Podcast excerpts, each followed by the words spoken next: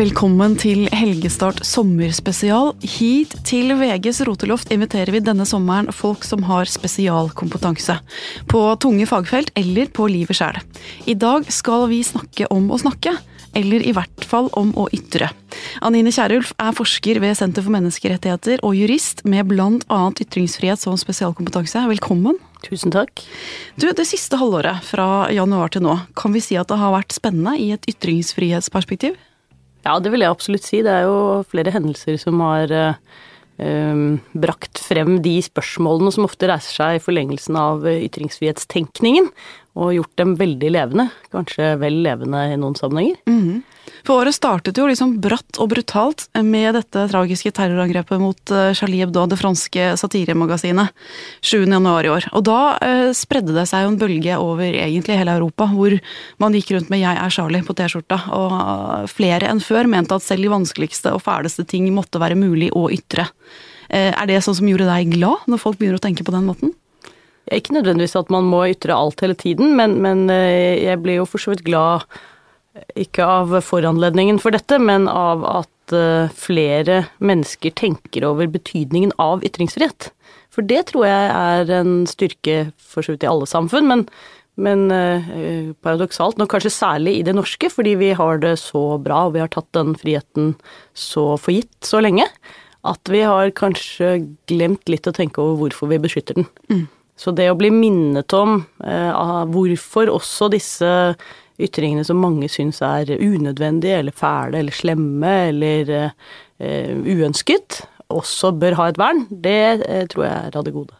Og hvis du skal oppsummere den grunnen da, på, på den enklest mulige måten, hvorfor skal, vi, hvorfor skal vi la disse kjipe ytringene få komme frem? Nei, det er mange måter å nærme seg dette på. Ytringsfriheten har tre hovedbegrunnelser, kanskje. Opprinnelig så er det en, ja, en, en helt sånn autonomitanke, at man må få lov å utfolde seg selv uten å få ytre seg og få ta imot andres ytringer, så kan man ikke danne seg selv som eget menneske. Eh, så har man en mer instrumentell, holdt jeg på å si, det litt, eh, hører litt, eh, klinger litt dårlig, men, men da mener jeg en, en, begrunnelse som sier noe om hvorfor vi beskytter ytringsfriheten for å oppnå noe annet. Og det er jo et demokratihensyn. Uten ytringsfrihet er det vanskelig å tenke seg et demokrati. Vi må ha mulighet til å diskutere de ulike partier, de ulike samfunnsspørsmål, ikke minst kritisere våre makthavere.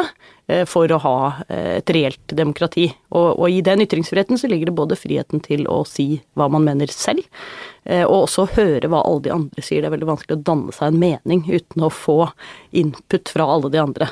Og så har man en tenkning om at hvordan skal man da få frem de tankene man vil ha, og bli kvitt de man ikke vil ha. Mm.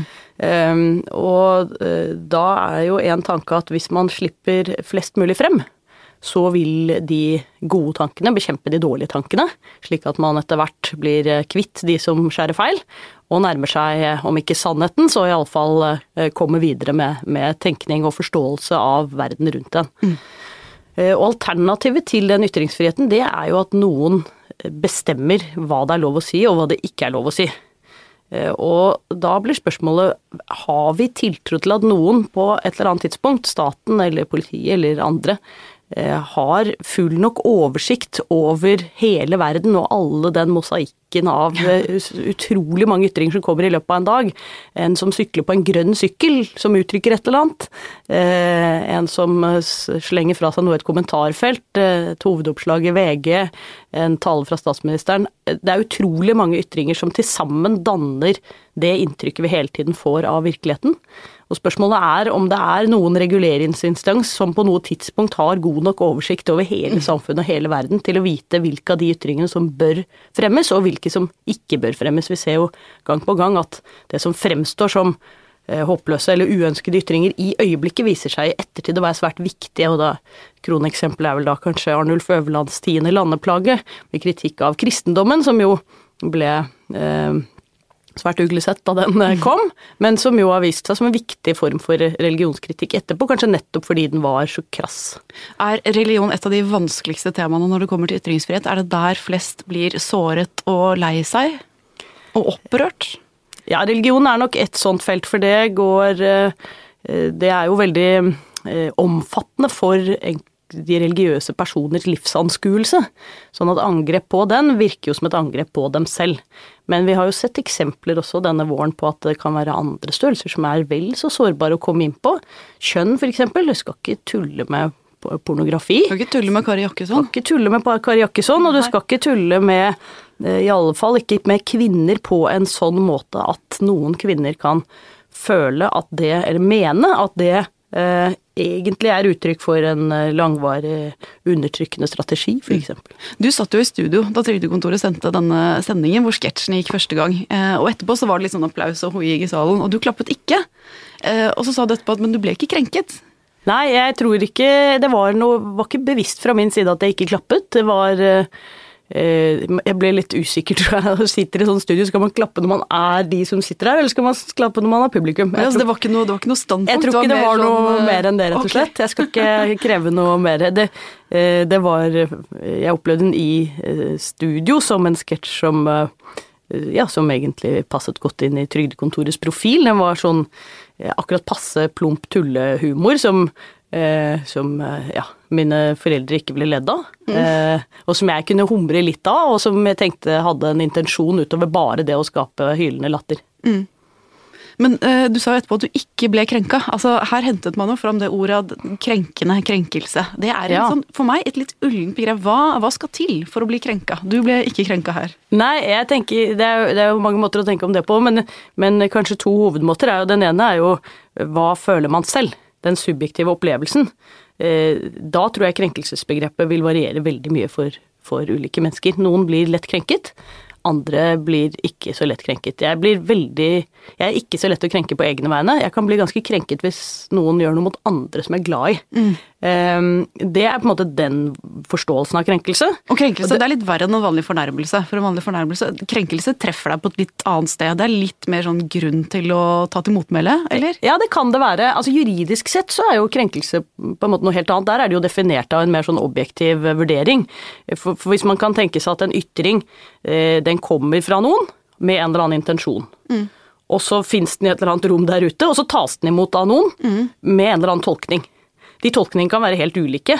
Så man kan tenke Hvis man skal beskrive krenkelse rettslig, så kunne man enten ta utgangspunkt i hva mente den som ytret seg, eller så kunne man ta utgangspunkt i hva følte de som hørte det. Mm, og det kan være to forskjellige ting. Det er to helt forskjellige ting. Ja. Så i og med at det er så forskjellig, eh, så har man prøvd isteden å legge seg på en sånn list midt imellom. Hvordan bør eller kan denne ytringen forstås av vanlige mennesker med vanlig språkforståelse? Ja, så må man komme med en rekke tolkningsscenarioer, og hvis det er mange av dem som er negative nok, så nærmer vi oss en krenkelse. Det kan det være, og, og det er ikke helt renskåret dette her. For jo flere som føler seg krenket, jo nærmere vil man være å tenke at det er krenket, krenkende. Ja. Fordi dette er jo ikke noe, noe holdt på å si deduktiv vitenskap, dette er jo tolkning, og den det er jo subjektiv i noen grad. Eh, og så vil det også spille inn hva ytreren mente. For det er klart, mener ytreren å drite ut Kari Jakkesson, så er det moralsk for oss, om ikke juridisk, men det virker jo inn i hverandre, så er det moralsk for oss mye verre å tenke på enn hvis ytreren mente eh, å anskueliggjøre et større problem i en samfunnsdebatt, Ja. eksempel. Nettopp. Men du sa at dette var litt sånn for plumpt til at du ble krenket, da. Ja, nå skal det som sagt en del til før jeg blir krenket, men eh, eh, men eh, Nei, det vil ikke falle meg inn. Det var så langt unna noe jeg kunne vurdere som krenkende at, eh, at det slo meg ikke. Nei. Eh, men eh, du, jeg så at Thomas Seltzer ble intervjuet i etterkant av det. Han også refererte han til deg og sa at du hadde et begrep som het andregradsforkrenkning. Er det når du blir krenket på noen andres vegne? Ja, eh, det, jeg vet ikke hvem egentlig som har opphavsretten til det begrepet, men det er et godt begrep. Og eh, sånn som jeg forstår det iallfall, så tenker jeg på det, akkurat det. At du blir eh, utrolig bestyrtet på andres vegne, eksempel. Og en ting jeg reagerte litt på der, det var jo eh, Kvinnefronten, eller Kvinnegruppa Ottar. Kvinnegruppa Ottar, kanskje. ja. Ingen porno for min lisens. Ja, det var noen, noen, sånne, noen sånne grupperinger som jo vil det beste på vegne av eh, alle kvinner, eh, og for så vidt menn, det tror jeg også, men de vil det på en måte som jeg eh, iallfall ikke har behov for at noen ytrer på mine vegne. Eh, Men de gjorde da det. De var på en måte krenket på alle kvinners vegne. Og på menns vegne. Og de var rett og slett krenket på våre alles vegne. Og hvordan man får fullmakt til å fremstå med den krenkelsen på alles vegne, det er meg litt uklart. Mm. Noen er profesjonelle krenkere, rett og slett? Eller Ja, eller noen, krenkede? noen profesjonelle krenkede, ja. Nettopp. Mm. Ja. Men det er jo noen ting som det rett og slett ikke er lov til å si også. ja, det er det. Altså, Da Krekar var ute og ble intervjuet eh, av NRK i februar, så sa han hva han mente burde gjøres med en tegner som krenket eller fremstille fremstiller profeten på en dårlig måte. Da gikk du ut etterpå og sa at dette mente du var en ytring som brøt loven, det som han svarte da. Eh, hvilken grense var det han gikk over? Ja, Nå husker jeg faktisk ikke akkurat den ytringen her og nå, men, men mm, jeg vil anta at det var en grense som går på Det var vel en oppfordring til straffbar handling, tror jeg. Og man har noen grenser. Man har en grense mot trusler. Mm. Det er ikke lov å true andre mennesker på en måte som er til å skape alvorlig frykt. Eh, Det er heller ikke lov å oppfordre til ulovlige handlinger. Eh, Det å si at eh, nå eh, den som skyter statsministeren får en dusør, vil fort være en sånn oppfordring. Mm. så har vi en, en stor, holdt på å si, viktig gruppe, iallfall når det gjelder antall dommer, og det er ærekrenkelser.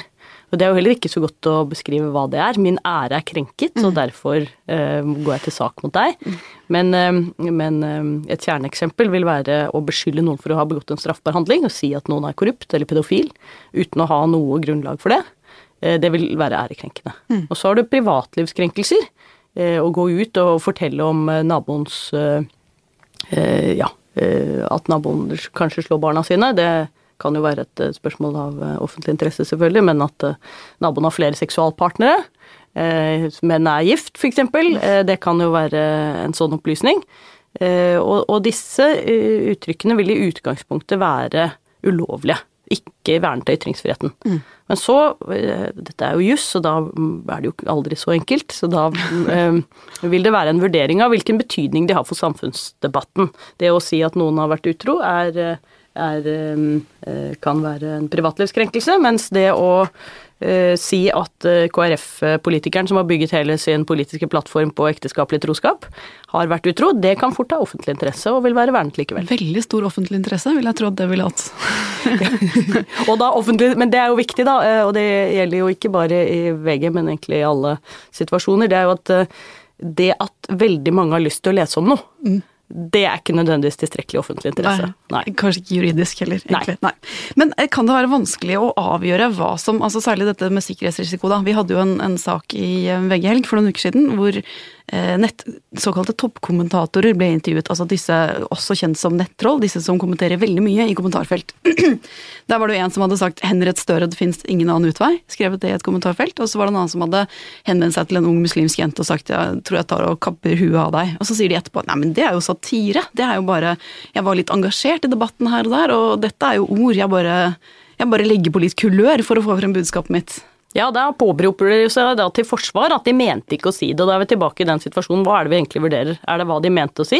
Er det hva vi hører? Eller er det en slags sånn omforent forståelse av hva dette betyr? Uavhengig av hva folk føler eller mente.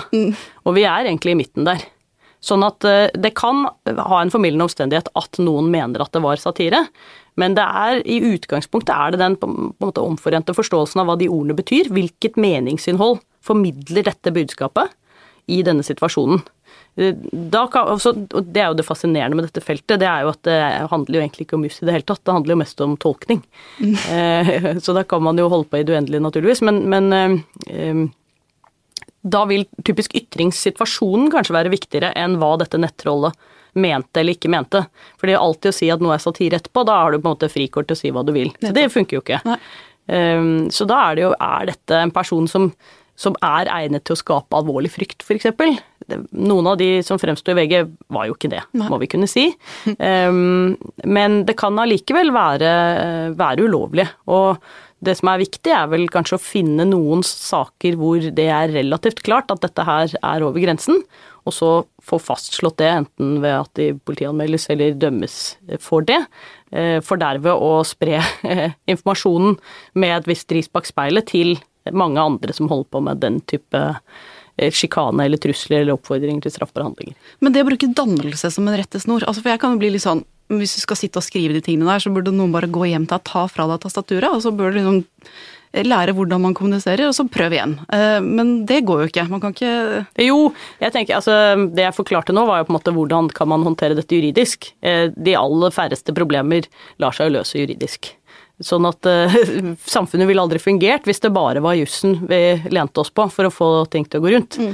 Så utgangspunktet her er jo at folk må lære seg folkeskikk, selvfølgelig, og være ordentlige mennesker og ansvarlige borgere. og Uh, og, og, og, oppføre seg ordentlig. Men så vil man jo alltid ha en uenighet om hva det vil si å oppføre seg ordentlig. Ja, nettopp.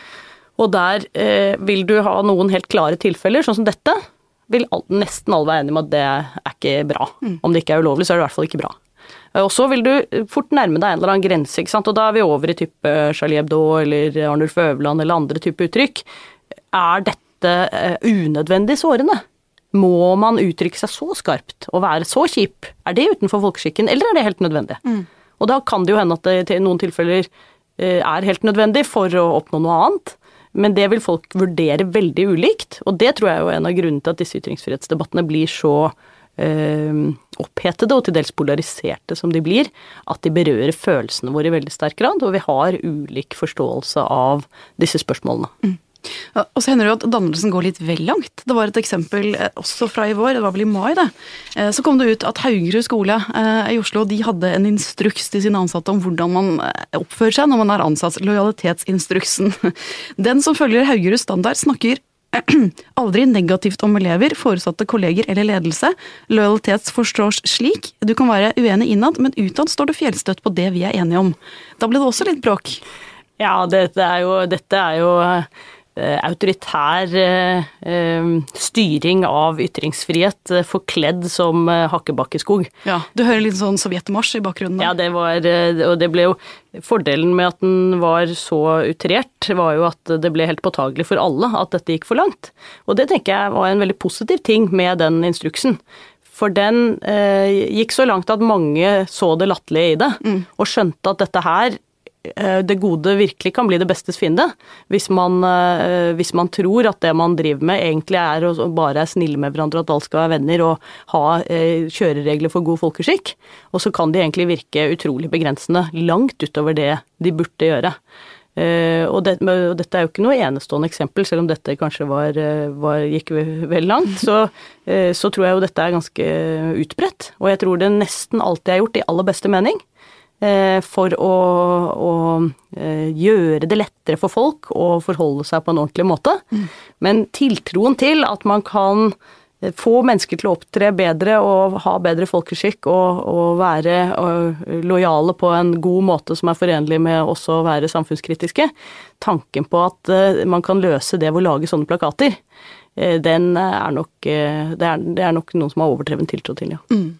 Men det å være samfunnskritisk Det kom jo også en undersøkelse i vår som sa at eh, terskelen ligger ganske høyt for å varsle om noen ting. Altså Hvis man er på en arbeidsplass hvor det skjer noe som ikke burde ha skjedd, eh, så er det mange som er mer lo så lojale at de ikke ville falle dem inn og melde fra, selv om de vet at det som skjer er gærent. Eh, har vi alle et litt sånn samfunnsoppdrag, egentlig, som vi har glemt litt? Ja. Det tror jeg kategorisk kan svare ja på. Eh, det gjelder kanskje særlig det offentlige. For da har man jo åpenbart en lojalitet. Altså lojalitetsplikten til arbeidsgiver er da både selvfølgelig til din, din ledere i linjen oppover, men også til hele befolkningen. Mm. Men også i private bedrifter så er jo dette et stort problem. Og det,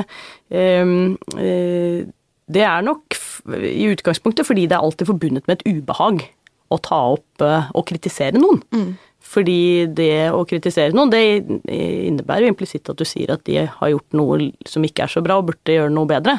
Så kan man nok gjøre det på veldig mange ulike måter. Eh, noen vil være veldig provoserende og ikke føre noe sted hen. Eh, andre kan være forsøksvis konstruktive og kanskje føre noe sted hen. Men uansett så er det ubehagelig å ta den rollen om å varsle om noe som helst, om det nå er internt eller ut til verden.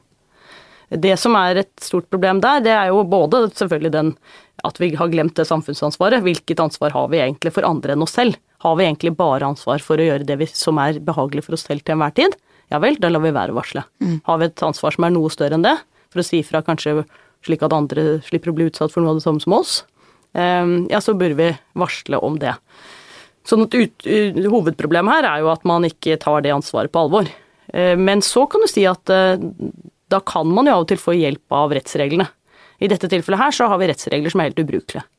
Okay. Varslingsreglene er en, nærmest en oppskrift på å ikke få gjort det du skal. Okay. Sånn at eh, her burde noen sette seg ned og tenke og lage nye regler.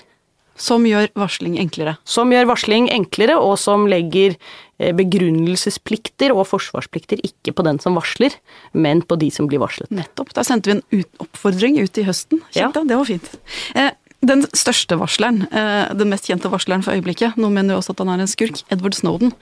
Eh, han eh, lekket jo opplysninger om amerikansk etterretning til hele verden, og fortalte noe om hvordan overvåkning av helt vanlige mennesker foregår. Som ikke var veldig populært at kom frem. Han har blitt tildelt Bjørnsonprisen. Er du blant dem som mener at han burde få lov til å komme til Norge og motta den? Ja, absolutt. Er, han er jo en Uh, uansett hvor problematisk det han har gjort er, og uansett hva man mener om han burde iretteføres uh, under amerikansk lov, eller, uh, eller, om han ikke har tiltro til den, så bør han få komme og motta den prisen. Mm. hva syns du om det han gjorde, da? Syns du at det, det, at man belyser overvåkning og problematiserer det at ikke bare folk som holder på med noe kriminelt snuskeri potensielt, men også helt vanlige mennesker blir overvåket er det noe som bør problematiseres og stilles spørsmål ved, eller kan vi bare tenke at sånn må det være for at vi skal opprettholde et visst sikkerhetsnivå? Det er, to spørsmål her. Det ene er jo om det Snowden gjorde var riktig eller galt. Det andre er eh, er det slik at vi bør godta overvåkning i sikkerhetens tjeneste. Mm. Jeg eh, kan jo ta det siste først. Noe overvåkning må vi alltid godta i sikkerhetens tjeneste. Det som blir et problem, er når den overvåkningen blir så omfattende at den også griper inn i personvernet til eh, veldig mange flere enn de som eh, trengs for å avdekke det man kan avdekke. Det er jo vært undersøkelser på hva man har klart å avsløre ved hjelp av, eller avverge ved hjelp av innsamlingen av disse enorme mengdene metadata som er gjort eh, bl.a. under dette NSA-programmet.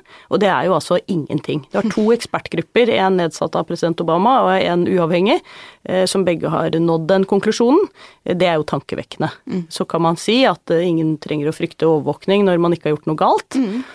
Ehm, det vil kanskje stille seg noe annerledes hvis vi trekker konsekvensen av en sånn tanke. La oss se, i det norske samfunnet så har vi eh, et voldsproblem. Eh, det er primært et voldsproblem med vold i hjemmet. Eh, det burde vi jo komme til livs på en eller annen måte. Mm. Hvordan kan vi opprette en sikkerhet som gjør at det er mulig? Den beste måten å gjøre det på er å overvåke alle hjem, alle rom, i alle hus, under alle dyner, 24 timer i døgnet. Det, det ville åpenbart bidra til en begrensning av vold i hjemmet. Det vil bli veldig vanskelig å utøve vold i hjemmet eh, på en måte som eh, lot deg slippe unna hvis du hele tiden ble overvåket. Er vi villige til å oppgi den all, all, vår frihet for å oppnå dette målet? De færreste av oss er det. Mm. Eh, så utrerte eksempler er det jo ikke snakk om når det gjelder innsamling av metadata, men det er, hvis du setter deg ned og ser på hva du klarer å finne ut om en person ved hjelp av disse metadataene, så er det ganske sensitive personopplysninger. Eh, sånn at det er et åpenbart et stort problem, og et stort inngrep i vårt personvern og vårt privatliv. Mm. Så er jo spørsmålet er det riktig, var det riktig av Snowden å gjøre det han gjorde. Eh, det, er, det, tror jeg jo ikke man kan finne et klart svar på før eh, langt frem i tid, men, men vi har altså en person som da befinner seg i en helt umulig situasjon. Han avdekker mer og mer av dette, som er åpenbart ulovlig, griper inn dypt inn i folks personvern, privatliv, eh, og på måter som er helt uakseptable. Eh, og han forsøker å ta opp dette internt. Eh, han går ikke veldig langt med det, for han ser hva som skjer med de andre som prøver å ta opp dette internt, og det er ikke pent. Mm. Og så tenker han hvordan skal jeg gjøre dette på en måte som både ivaretar den sikkerheten jeg er satt til å ivareta, og gjør verden oppmerksom på dette kjempeproblemet. Og valget hans er da å gi dette til en, eh, en ansvarlig redaksjon, altså The Guardian og denne journalisten Greenwald, eh, for at de skal foreta den balansen han ikke er trent til å foreta mellom disse to interessene. Hva er det som har allmenn offentlig interesse, som må ut, så folk får vite om det, og hva skal vi la være å publisere. Mm. Eh, det er mulig andre ville gjort et annet valg i den situasjonen, jeg syns det er et helt forsvarlig valg. Mm. Du, Den siste den aktualitetshendelsen jeg merket meg at du eh, tok et standpunkt til denne våren, den ferskeste, eh, det var jo 8. juni, mandag 8. juni. Da gikk PST inn i eh, hjemmet til Ulrik Imtias Rolfsen, altså dokumentarfilmskaper. Han hadde noen opptak av norske islamister. Og de beslagla de opptakene. Upublisert materiale. Da var du sint på Dagsnytt 18.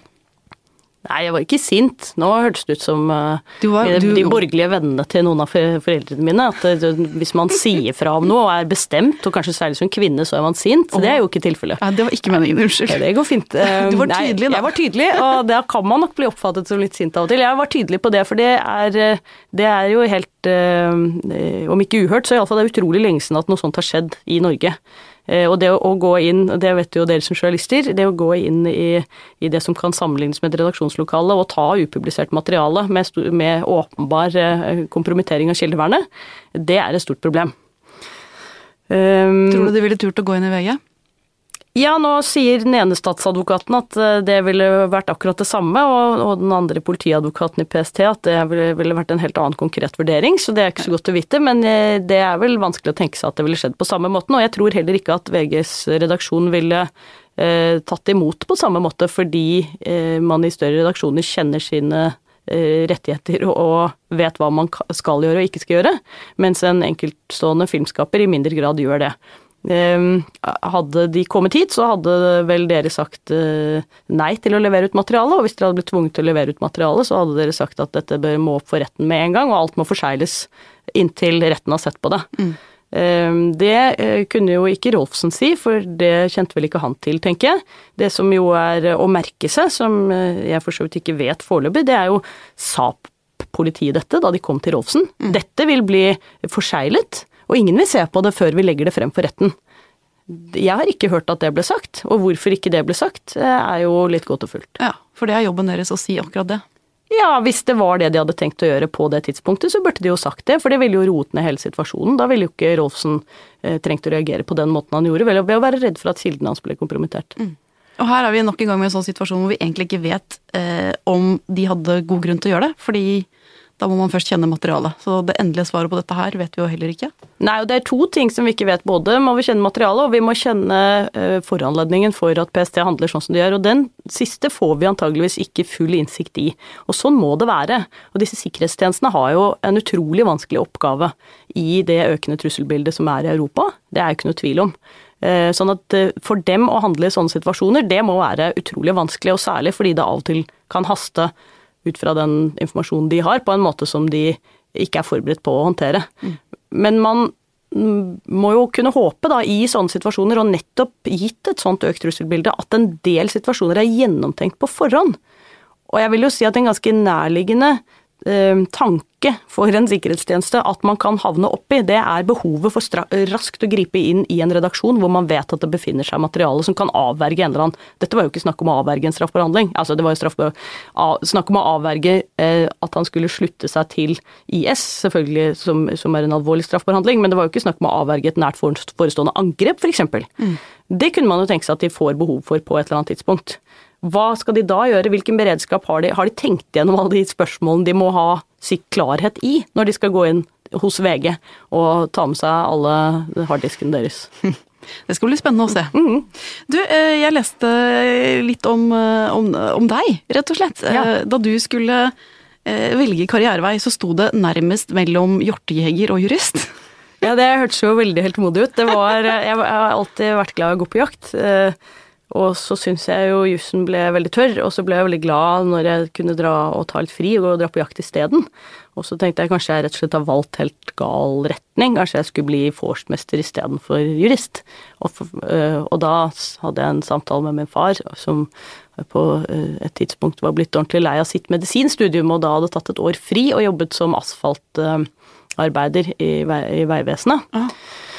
Eh, Det hadde han blitt lei av etter et års tid, eh, og gått tilbake til medisinstudiet. Var for så vidt glad for det, men han er glad i sånne praktiske ting òg. Men um, han sa du er jo mye heldigere enn meg, for du kan jo bare ta ferdig jussen, og så kan du gå på jakt senere uansett. Eh, Så da jeg altså på et eller annet tidspunkt lurte meg heller skulle drive med revy og holde på med sånne ting, så sa han at det var jo også mye greier, for hvis jeg ble advokat, så kunne jeg gå i retten og spille skuespill hver dag. Nettopp. Og det gjør du faktisk. Ja, Eller i studio. Men eh, jakter du fortsatt, da? Ja da, eh, så, så mye jeg kan. Det, det hender at det krasjer litt med jobbeting, men jeg har eh, to fantastiske jaktlag. Det ene er et rent jentejaktlag på, på Nordmøre. Mm. Og det er, ja Kombinasjonen av sosialt fellesskap, naturopplevelser, skikkelig innstilling til viltforvaltning og latterkuler så harde at man blir støl i magen i ukevis etterpå, er jo eh, uovertruffen. Hva med adrenalinet når man klarer å felle et dyr, da? Ja, eh, det er eh, litt overveldende nesten. For meg iallfall. Både kanskje særlig i forkant, altså den utrolige konsentrasjonen, hvordan man blir hensatt i en helt sånn upanikkartet uh, tilstand hvor man bare mekanisk gjør det man skal, veldig, uh, til, til man er sikker på at viltet er, er uh, ikke lider, og så eh, så kan man jo slappe av litt etterpå. Da hender det at jeg bare går i bakken, rett og slett. Er vi her nesten ved din mindfulness, eller? Det er der du eh, glemmer alt annet? Ja, det er veldig sterkt, men det er nesten fordi det er jo en, en, en, slags frembrakt, nesten litt sånn krisesituasjon. Altså det er ekstremt eksistensielt. Du tar et annet liv, du skal være veldig ordentlig. Eh, Men jeg har nok mindfulness-øyeblikk i, i mange andre situasjoner, og, og kanskje i fredeligere varianter. Men de involverer nok ofte natur. Ja. Eh, Jeg leste også at da du begynte på jusstudiene, eh, så måtte du ta av deg de perleøredobbene som du kanskje da gikk med hver dag ellers, og bli litt mindre sånn vestkant-Anine.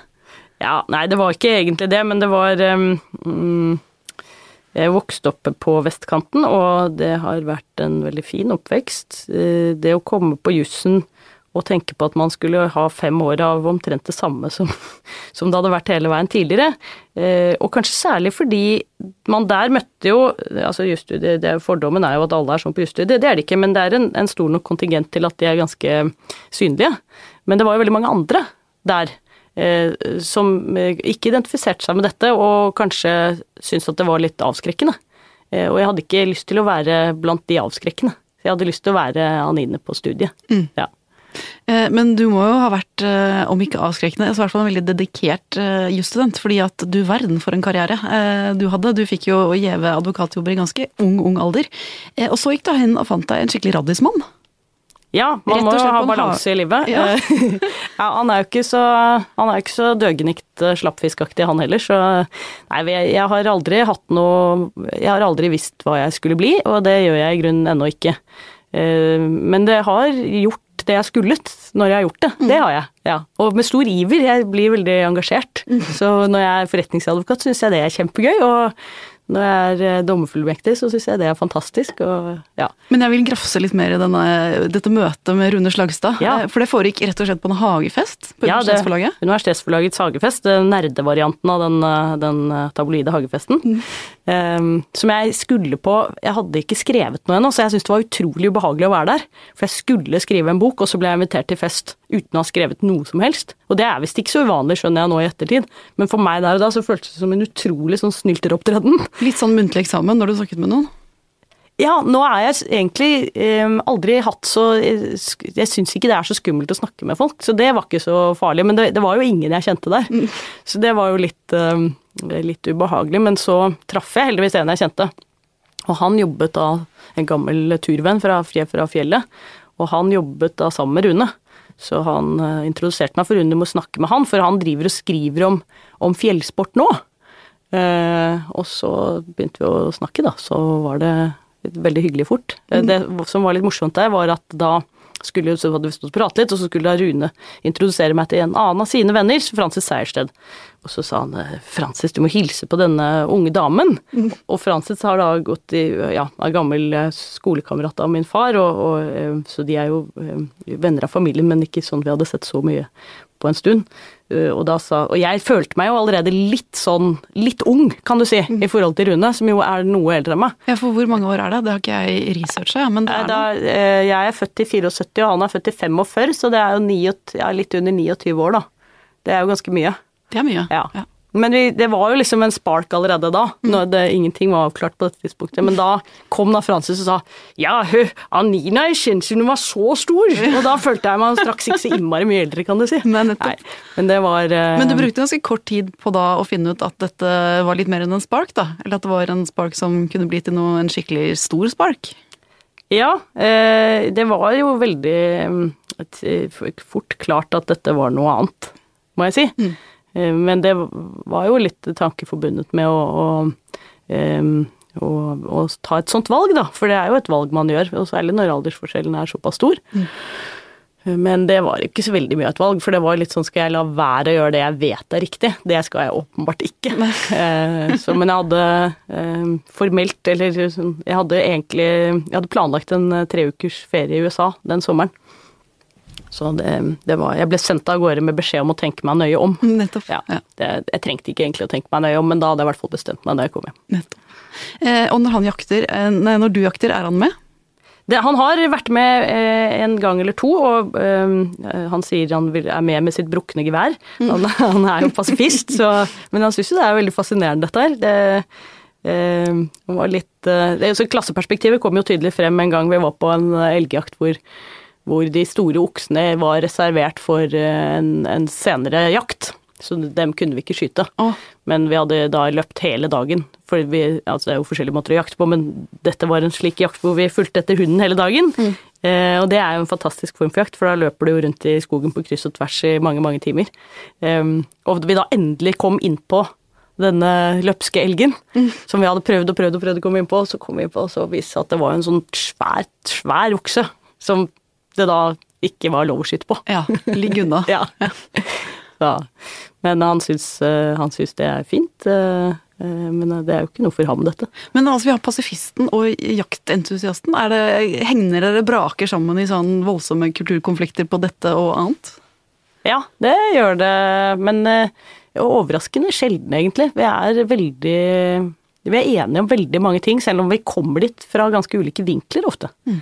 Det er interessant. Jeg er jo Eh, han er jo, har jo iallfall vært tydelig politisk. Eh, det har jeg aldri tenkt over i min oppvekst. Det høres jo helt pussig ut, men, eh, men, jeg har liksom aldri tenkt på, på, verdispørsmål som politikk. Altså jeg har bare tenkt på dem som verdier, mm. som, som, jeg kan ha en oppfatning om og en, en vurdering av, men uten derved å føle meg hjemme noe særlig sted politisk. Ikke engang slik at det ikke er ett parti som passer, men også sånn at jeg lurer på liksom litt hvor, på hvilken side jeg er. Mm. Ja. Er du fortsatt like upolitisk?